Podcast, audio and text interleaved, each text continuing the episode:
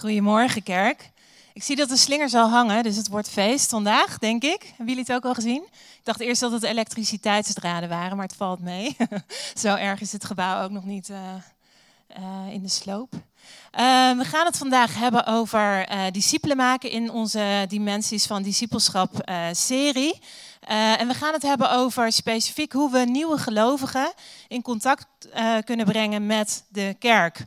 Dus ik dacht toen ik aan het, aan het voorbereiden was, dacht ik van dat is interessant zeg. Dus ik herhaal nog één keertje het thema. Je zult hem ook de hele dienst uh, hier achter mij zien op de beamer.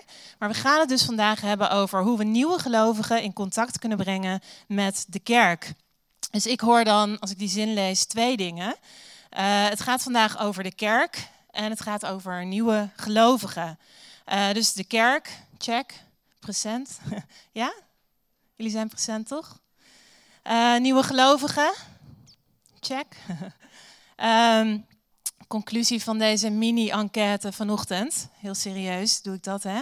Uh, ik denk, uh, en dat dacht ik tijdens de hele voorbereiding, we hebben meer nieuwe gelovigen nodig. Check? Ja, eens. want anders hoeven we het eigenlijk ook niet te hebben over hoe we, hoe we ze in contact brengen met de kerk, toch? Um, dus ik dacht, mag ik eens vragen aan zo aan het begin van deze preek, wie heb jij uh, in gedachten vanochtend? Uh, voor wie ben jij op dit moment heel hard aan het bidden dat diegene tot uh, geloof gaat komen? Um, en wie wil jij heel graag in contact brengen met de kerk? Wie heb je in gedachten? Met wie praat jij bijvoorbeeld nu op dit moment al over Jezus? En ehm, wie uh, heb je in gedachten als je denkt, hey, die zou ik wel mee willen nemen naar uh, een van de workshops uh, tijdens onze Springmix? Of misschien naar de gemeente op zondag. dus denk eens na over iemand, een naam en houd die persoon in gedachten terwijl ik vanochtend spreek en mijn verhaal doe. En terwijl je dat doet, uh, mag je even voorstellen, ondertussen, en mannen, ik weet dat dit een lastige wordt, uh, maar stel je eens voor dat je zwanger bent. uh, en over negen maanden, zo gaat dat meestal, hè, ga je een baby krijgen. En je bent zo blij en je bent bang tegelijk. Uh, want je leest je in, um, gaat naar zo'n puffcursus zoals het hoort. Uh, je koopt alle nieuwe spulletjes die je nodig hebt. Je maakt een kamertje uh, klaar. En je vraagt misschien ook wel mensen met ervaring om een beetje advies daarin. Dus kortom, je doet alles om je voor te bereiden op gezinsuitbreiding. En ehm, op die grote dag natuurlijk van de geboorte die voor je ligt. En yes, op een dag is het zover, eindelijk. Uh, je rijdt samen naar het ziekenhuis en vele, vele, vele, vele, vele uren later wordt je baby geboren. High five, je belt je familie, felicitaties, feest, de slingers hangen al. En dan wordt het tijd uh, op een gegeven moment om het ziekenhuis uh, te verlaten. Dus wat doe je? Je gaat naar huis en je laat je baby achter in het ziekenhuis. Nee? Als je dat doet, uh, als je dat zou doen, dan denkt denk ik iedereen dat je gek bent of een hele, hele slechte vader of een slechte moeder. Uh, maar in de kerk uh, doen we soms precies hetzelfde met nieuwe gelovigen. we steken heel veel energie en tijd in het bidden voor hen en hen uitnodigen voor events die we hebben. En we proberen antwoord te geven op alle vragen die ze hebben. Um, en dan, als ze tot geloof komen, dan stopt het. En laten we als het ware de nieuwe gelovigen um, achter in het ziekenhuis, in dit voorbeeld.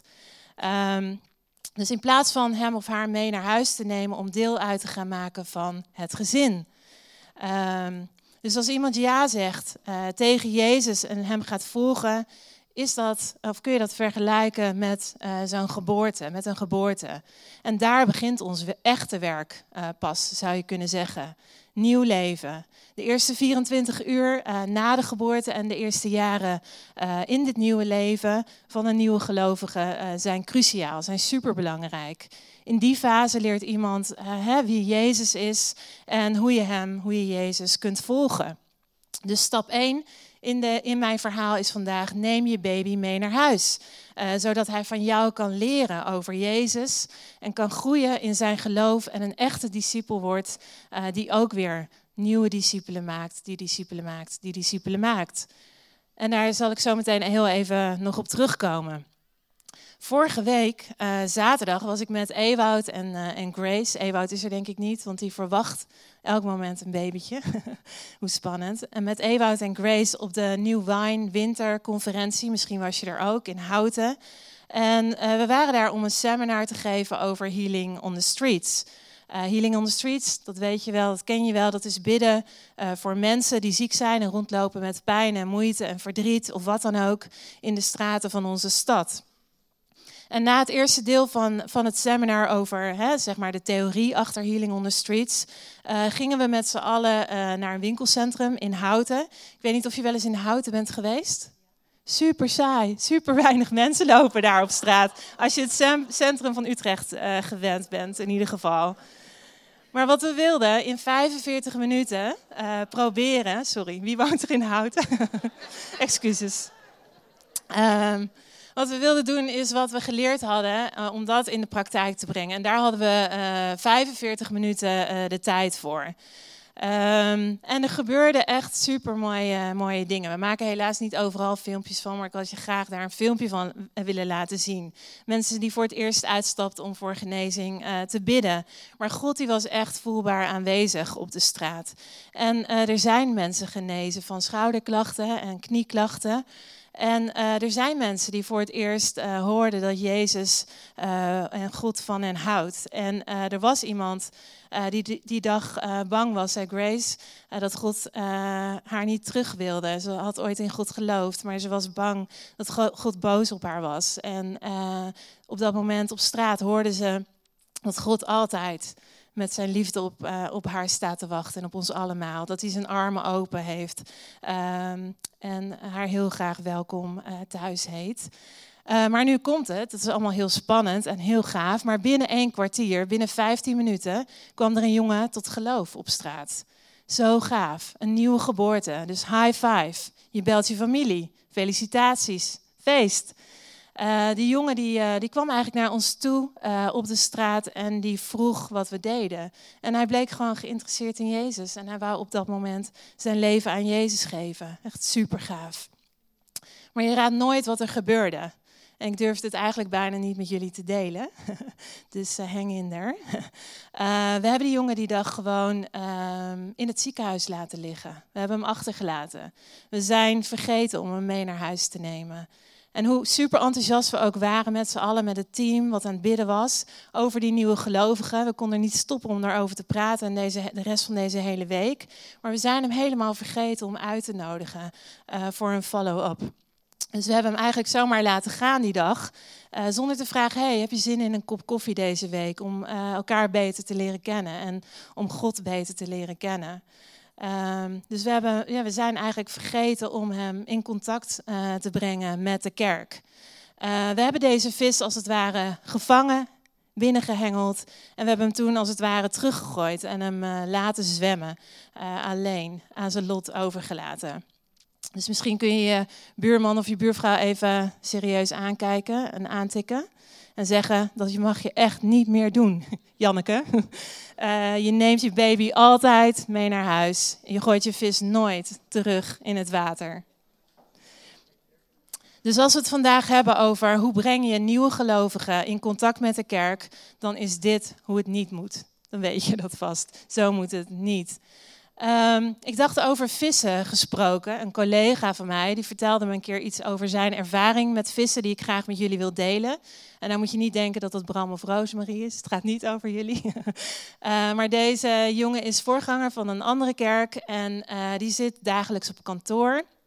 Uh, maar hij weet eigenlijk niet zo goed wat hij daar moet doen op kantoor de hele dag. hij is voorganger. Die weten niet wat ze moeten doen. Dus hij verveelt zich. Dus wat doet hij? Op een gegeven moment uh, verveelt hij zich zo dat hij uh, naar een dierenwinkel uh, loopt. En hij koopt zo'n heel groot aquarium van 50 liter, dus best groot. plus twee bijpassende, nogal van die grote vissen. En hij denkt, dan heb ik tenminste iets om de hele dag naar te kijken. Alleen komt hij er na twee dagen al achter, na het, naar het kijken van, naar zijn uh, aquarium met vissen, dat dat niet de oplossing is uh, voor zijn probleem. Want het zijn de meest saaie vissen ooit. Helemaal niks aan. Dus wat doet hij? Hij gaat terug uh, naar de dierenwinkel en vraagt heb je soms ook spannendere vissen in de aanbieding? Misschien zo'n schooltje vissen wat met elkaar meezwemt.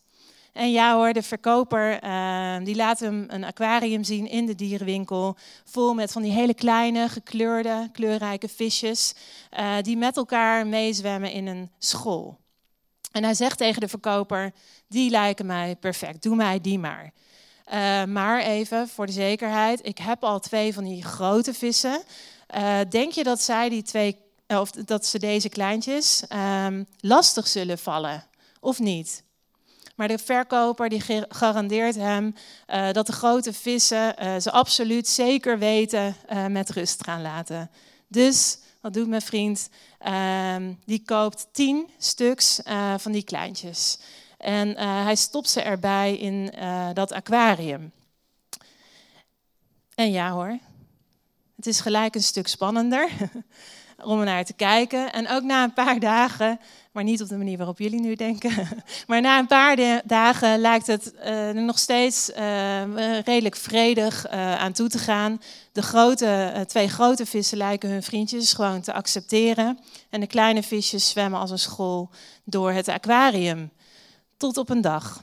Mijn collega opeens ziet dat er een van die kleine visjes niet meer in die school van kleine visjes zwemt, meezwemt.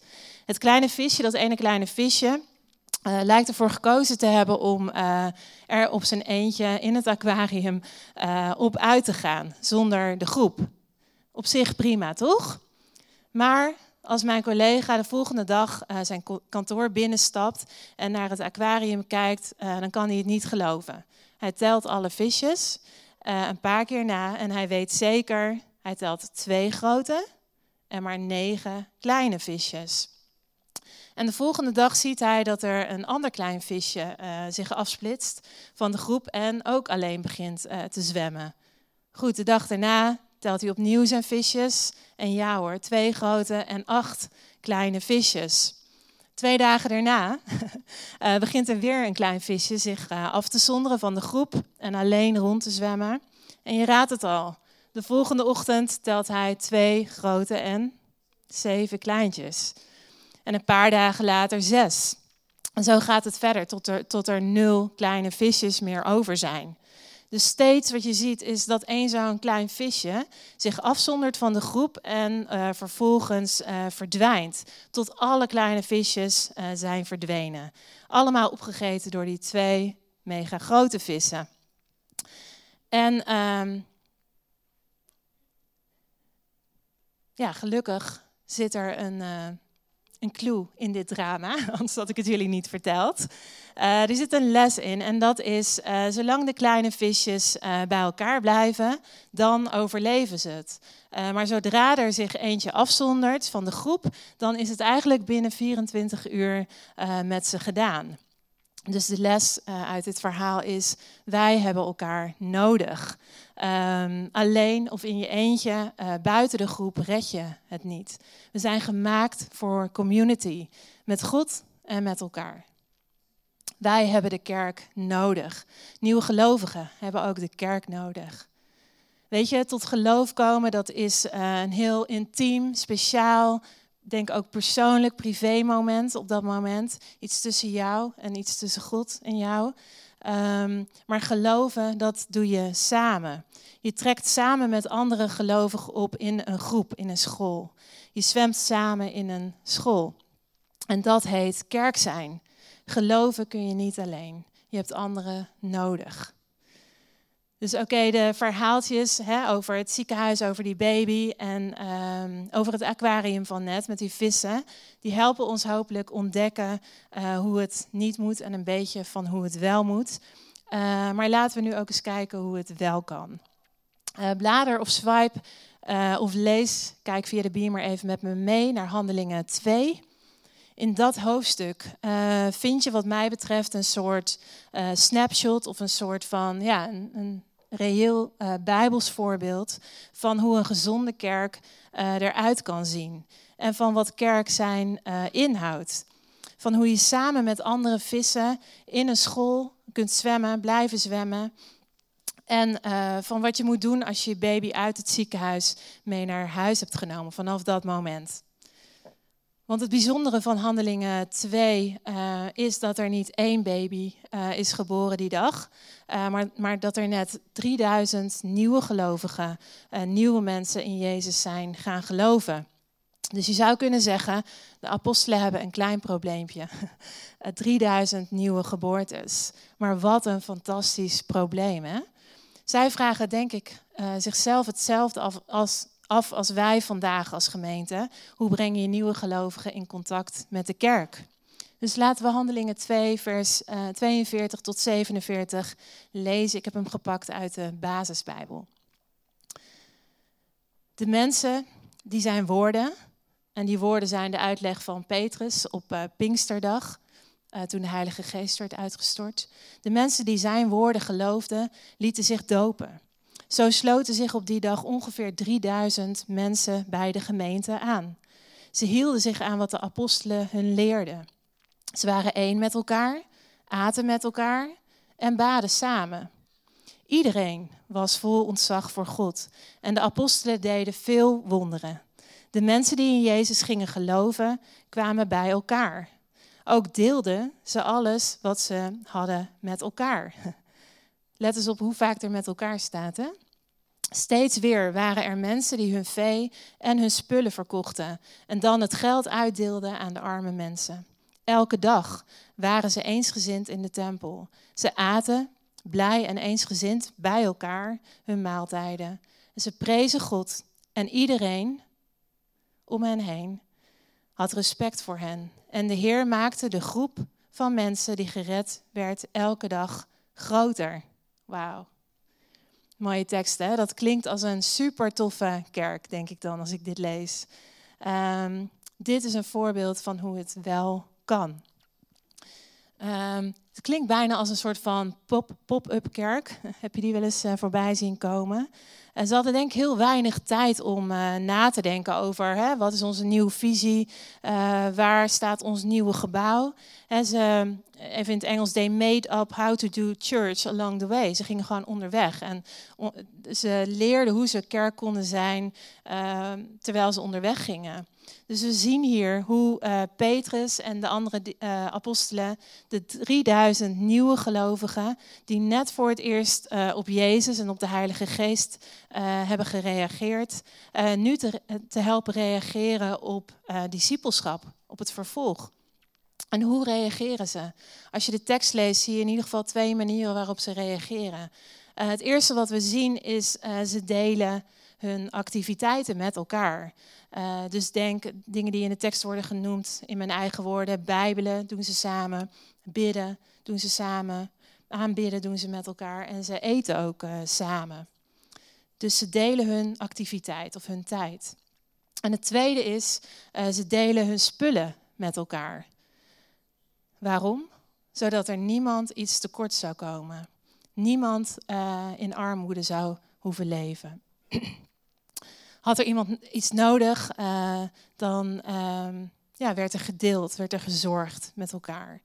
Dus je uh, ziet, uh, ze delen niet alleen hun geloof in, in God met elkaar, maar ze delen hun hele hebben en houden. Eigenlijk hun hele leven zou je kunnen zeggen. Ze zetten hun leven in voor God, maar niet alleen voor God. Ze zetten hun leven in voor elkaar. En wat ze eigenlijk tegen elkaar zeggen in deze tekst is: hey, mijn bankrekening, die is ook van jou. En mijn huis, dat is jouw huis. Uh, mijn autosleutels zijn jouw autosleutels. En uh, jouw kinderen zijn mijn kinderen. En dit moet je nooit omdraaien, dan werkt het niet meer. maar dat gaat wel, ik, ik, dacht toen ik deze tekst las wel weer van, dat gaat wel heel erg ver. Hè? Zijn wij bereid om zo te leven, om alles met elkaar te delen?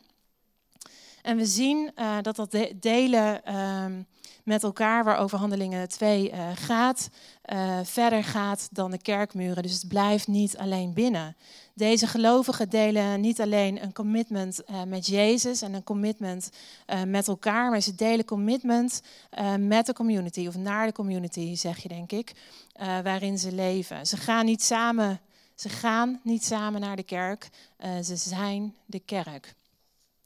En die kerk uh, stroomde zo te lezen uh, over van liefde, van hoop, van hulp, van bemoediging, van gastvrijheid en van de gunst van God.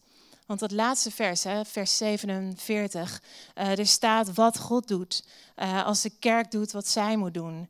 En er staat dan de Heer voegt de dagelijks nieuwe gelovigen toe aan de kerk. Dat is iets wat alleen God kan doen. Dus deze kerk functioneerde als een gezin. Als een gezin met een diepere band dan het bloed wat uh, genetisch door hun lijf stroomt. Uh, wat hen bij elkaar uh, bracht als kerk is het bloed van Jezus. Zijn bloed maakt ons één. Maakt ons één gezin, maakt ons één lichaam, maakt ons één kerk. En door samen kerk te zijn, uh, creëren ze een soort van, ja, een echte nieuwe cultuur in de stad waar ze wonen. Dus met, door met elkaar anders te zijn, anders te le leven, zoals we net lazen. Anders dan er gewoon was in die stad, want dit was niet gewoon in die stad. Anders dan de geldende uh, tradities. Het is een kerk uh, die met elkaar voorziet in wat anderen nodig hebben. En dat doen ze door hun tijd, hun geld, hun energie te delen met anderen. Nou, wat Handelingen 2 uh, eh, laat zien is, uh, zij hebben elkaar nodig als kerk. En dat geldt, hetzelfde geldt voor ons vandaag. Wij hebben elkaar nodig als kerk. En nieuwe gelovigen hebben uh, de kerk nodig om in te pluggen, om op te laden, om uit te leven en om door te geven. Um, de volgende dia heb ik een filmpje. Kijk anders even mee naar dit filmpje. Het gaat over de kerk en over de vraag wat is de kerk. Het duurt uh, zo'n twee minuutjes, uh, dus kijk even met me mee. What is the church? Is the church a building? Is the church a pastor? Or the staff? Is the church the music, the tradition, or the ministries? These are all good things, but they are not the church. Take them away, and the church is still here. Why? Because you are still here. The church is you. The church is you with a purpose. The church is you on a mission. The church is you with a plan. A simple plan to plug into God at a weekend service, to charge up in a small group community, to live out using your gifts and passions, and to pass on your faith to those who do not know Christ. When you and I live like this, all the things we used to do in church become things we do as the church. God desires it. The world needs it and we are called to be it. What is the church? The church is you.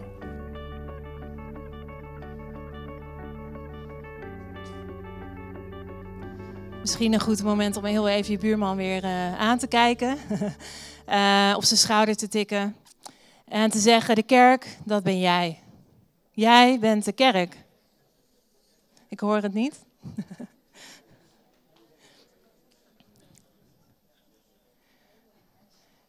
Je hebt vast deze uitspraak wel eens uh, gehoord. We don't go to church, we are the church. Uh, we gaan niet naar de kerk, we zijn de kerk. Uh, het filmpje zegt, ehm, de kerk, dat ben jij met een doel.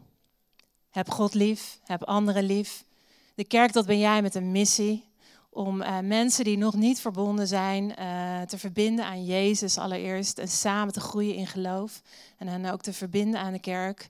En uh, de kerk, dat ben jij met een plan. En dat plan is uh, de kerk zijn en anderen helpen om, zoals het filmpje ook zegt, in te pluggen en op te laden en uit te leven en door te geven.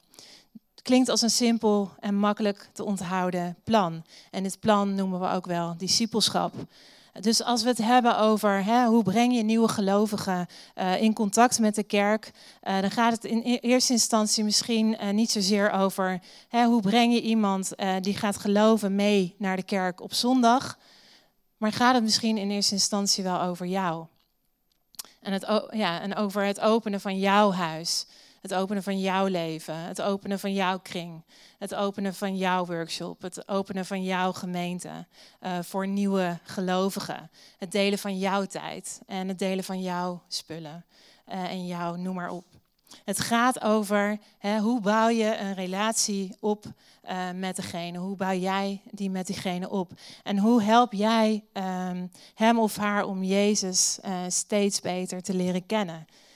En je raadt het al, hè, zoals de tekst in Handelingen ook noemde, dat gaat over samen eten, dat gaat over samen de Bijbel induiken, dat gaat over samen leren bidden, uh, dat gaat over samen God aanbidden. Het gaat uh, over samen ontdekken wie Jezus is, samen optrekken, samen uitreiken en samen geloven. Nou, een van mijn vrienden, waar ik wel eens eerder wat over verteld uh, heb, die ik op straat heb leren kennen tijdens Healing on the Streets, uh, die vertelde me laatst uh, een mooi verhaal. Dat hij in de zomer op zijn balkon even buiten van het weer stond te genieten. En dat is op zich misschien niet zo bijzonder, maar wat het bijzonder maakte is dat hij vanaf een ander balkon best wel ver verder weg toegeroepen werd. En ik noem mijn vriend even Maarten, dat is niet zijn echte naam. Maar de, uh, wat hem toegeroepen eh, werd was: Maarten, heb je uh, zin om morgenavond bij ons thuis te komen? Er komen nog meer mensen en we gaan zingen. Dus Maarten antwoordt: Dank voor de uitnodiging, maar ik weet het nog niet. Maarten gelooft nog niet in Jezus. En uh, omdat Maarten een nette vent is, zullen we maar zeggen, en ook nog eens uh, geïnteresseerd in muziek, hij drumt, uh, vraagt hij nog van, wat voor nummers gaan jullie dan, dan zingen? En dan blijkt het te gaan om allerlei christelijke nummers die hij niet kent. Ehm, dus het is een soort van uitnodiging voor een huisgroepavond van een kerk, waarop Maarten zegt, dank je, maar nee dank je. Hoe kom je erbij dat ik daarin geïnteresseerd zou zijn, in zou zijn? Dat ik daar zin in zou hebben? Op een nette manier hoor. Uh, en dat verhaal van hem, toen hij me dit vertelde, zette mij weer aan het denken van hoe vaak nodigen wij mensen uit voor onze activiteiten die we in de kerk doen, zonder erover na te denken hè, wat zij nodig hebben, waar zij staan, wat, wat zij nodig hebben. Um, en nu is het zo dat Maarten en ik al een tijdje met elkaar optrekken. En dat is ontzettend leuk. Uh, we drinken een paar keer per maand uh, koffie met elkaar ergens in de stad. En in onze gesprekken hebben we het soms over Jezus en over teksten die in de Bijbel staan en die ons, hem en mij, uh, helpen de week door. we hebben het over bidden en hè, wat je kunt zeggen als je praat met God, hoe je dat doet. En soms mag ik zelfs voor Maarten bidden. Uh, bijvoorbeeld laatst, uh, eind december, dronken we koffie, net voor de kerst. En uh, dat was in de biep. Hij had ontzettend last van zijn, van zijn maag en de sluiting van zijn maag. En daar had hij al maanden last van. En hij kon niet gewoon functioneren. Ehm, had er zes maanden last van, had ik dat al gezegd. Um, en een week daarna krijg ik een sms'je van Maarten. Um, dat hij na het gebed een totale metamorfose heeft ondergaan. Hij heeft geen last meer van de klep van zijn maag. En uh, zijn energie is gewoon uh, weer helemaal terug. En hij kan alles weer doen uh, wat hij wil. Dus dat is echt wauw, inderdaad. Fantastisch. En Maarten die is hier wel eens uh, meegeweest in de Vineyard toen Bram en Roosmarie en ik werden ingezegend, 14 september 2016, een paar jaar geleden. Um, maar weet je, de kerk op zondag is voor Maarten nog eigenlijk 1, 2, 3, misschien wel vier stappen te ver. Uh, daar is hij nog niet helemaal klaar voor om hier met ons God te aanbidden. Maar ondertussen, hè, tot het moment dat hij er wel klaar voor is, um, om mee te nemen naar de kerk. Uh, is God met Maarten bezig, dat is duidelijk. En ben ik zijn kerk. Uh, hè, hij leert door mij uh, Jezus kennen en hij leert mijn vrienden kennen, hij leert mijn familie kennen. En we proberen samen op weg te gaan hoe het is om samen te geloven. Dus ik dacht altijd eigenlijk van het ultieme wat je kunt uh, bereiken is iemand mee naar de kerk nemen. Uh, maar door Healing on the Streets onder andere en ervaringen met mensen die ik daarvan ken uit de stad, uh, heb ik eerder leren denken in vragen van wat is nou de volgende stap uh, die ik met iemand zoals Maarten uh, kan zetten richting Jezus, richting discipelschap. Hoe kan ik kerk zijn voor deze man? En hoe kan ik hem betrekken? Hoe kan ik, hem, ja, hoe kan ik mijn leven met hem delen? En dat kan er heel verschillend uitzien. Ik denk dat het er per persoon gewoon heel anders uitziet. Het kan eruit zien als een koffie, zoals ik net vertelde, en een gebed in de biep. Uh, het kan eruit zien als een maaltijd bij iemand thuis. Uh, het kan eruit zien als iemand meenemen naar een workshop of een huisgroepavond. Uh, het kan eruit zien als iemand voorstellen aan jouw vrienden en familie. Het kan eruit zien als hem uitnodigen voor een dienst op zondag om samen God te aanbidden. Nou, John Wimber, ik moet hem elke preek even noemen. is de grondlegger van de Vineyard. En hij zei dit, een hele mooie uitspraak. Ik heb hem ook op de beamer. The church is not the building. The church is not, not this building. It's the people. It's not just this gathering. It's also a scattering. Dus ik dacht, um, dit plaatje heb ik erbij gezocht. Zo ziet, wat mij betreft, kerk zijn eruit. Natuurlijk uh, is de kerk een, um, een gathering. Hè, een plek in de week waar we samen inpluggen, als het ware, om elkaar te ontmoeten en Jezus samen te aanbidden. Hè, een plek om op te laden en elkaar te bemoedigen. Um, en de kerk is ook een scattering, zoals John Wimmer het zegt, van mensen die het koninkrijk uitleven en doorgeven aan anderen. Dus dat is wat discipelschap is. Dat is wat, wat kerk zijn uh, inhoudt. En mocht je het niet gemerkt hebben, ik houd ontzettend van de kerk. ik houd van de kerk. Maar kerk zijn gaat niet over mensen die zich verstoppen in een gebouw, uh, maar mensen die zich verspreiden, zoals op dit plaatje staat, over de stad. Dus niet verstoppen in een gebouw, maar verspreiden over een stad of een regio om hun geloof, hun leven, hun geld, hun tijd, hun spullen, hun activiteiten met anderen te delen. Mensen met een missie de uitbreiding van Gods koninkrijk hier op aarde. En dat is waar we uh, zoveel mogelijk nieuwe gelovigen voor willen uitnodigen. Dus uh, misschien nog even praktisch, voordat we zo meteen afsluiten.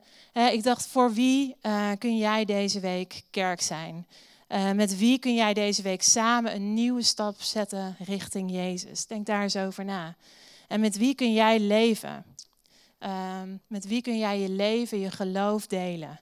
Uh, wie kun jij helpen deze week met jouw bankrekening, met jouw autosleutels? Uh, wie kun jij helpen inpluggen, opladen, uitleven en doorgeven? Want daar gaat het over. Nou, tot slot um, nog één tekst. Uh, die komt uit 1 Petrus 2, vers 9. hier zegt Petrus iets over de kerk. En het woordje wat hij gebruikt voor kerk in deze tekst is ecclesia. En ecclesia, dat betekent called out in het Engels. Dus eruit geroepen. Dus terwijl ik deze tekst uh, voorlees, mag je nog één keer je buurman betekenisvol aankijken. Want het gaat over jouw buurman. Dit gaat over jouw buurman, buurvrouw. Um, Komt-ie. jullie zijn door God uitgekozen en jullie behoren bij Hem. Nu zijn jullie een heilig volk, een volk van priesters of een volk van gebed. God heeft jullie uit de duisternis geroepen om te leven in zijn schitterende licht. Nu kunnen jullie iedereen vertellen over God, over de grote wonderen van God. Simpel, God roept jou. God heeft jou eruit geroepen. Waaruit? Uit de duisternis, in het licht. Niet om meer kerkgangers te maken, of te genereren. Hij roept ons om ons leven open te stellen voor nieuwe gelovigen en ons leven met hen uh, te delen op het oncomfortabele af. Hij roept ons om discipelen te maken en discipelen die discipelen maken, die discipelen maken. Hij roept ons om samen kerk te zijn waaraan Hij dagelijks toevoegt. Samen zijn we Zijn kerk, Zijn lichaam, Zijn gezin, Zijn bruid eh, die Hij komt ophalen als het zover is. Dus tot zover. Zullen we gaan staan? Pieter, zou jij met je band terug willen komen? Ik heb ehm, een speciaal verzoeknummer vandaag ingediend bij Pieter, bij de band. Ze zullen zo meteen eh, uh, ons in aanbidding leiden voor God. Eh, het is een nummer wat gaat over de kerk en ons, onze missie. Dus uh, aanbid God met alles wat in je is. Maar laten we de Heilige Geest uitnodigen. Kom, Heilige Geest. Kom, Heilige Geest. U bent welkom. U bent welkom. En Jezus, we houden van u. We houden van de kerk. En we bieden ons aan. We bieden ons aan als, uh, ja, als de kerk. Voor uw werk door ons heen. Uw werk door ons heen deze week. Heer, laat uw koninkrijk komen.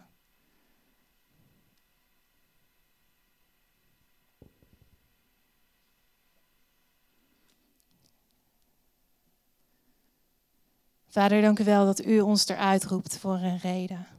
En we verlangen ernaar dat uw koninkrijk groeit, dat u toevoegt aan deze kerk. En help ons om te zien, Heer, hoe we u daarin het beste kunnen helpen. Hoe we daarin kunnen uitstappen. Heer, help ons om niet alleen te luisteren vandaag, te denken, ja, wauw, dat is, dat is mooi om zo kerk te zijn, maar wilt u ons echt uitroepen op dit moment, Heer, om zo kerk te zijn voor het verlorene.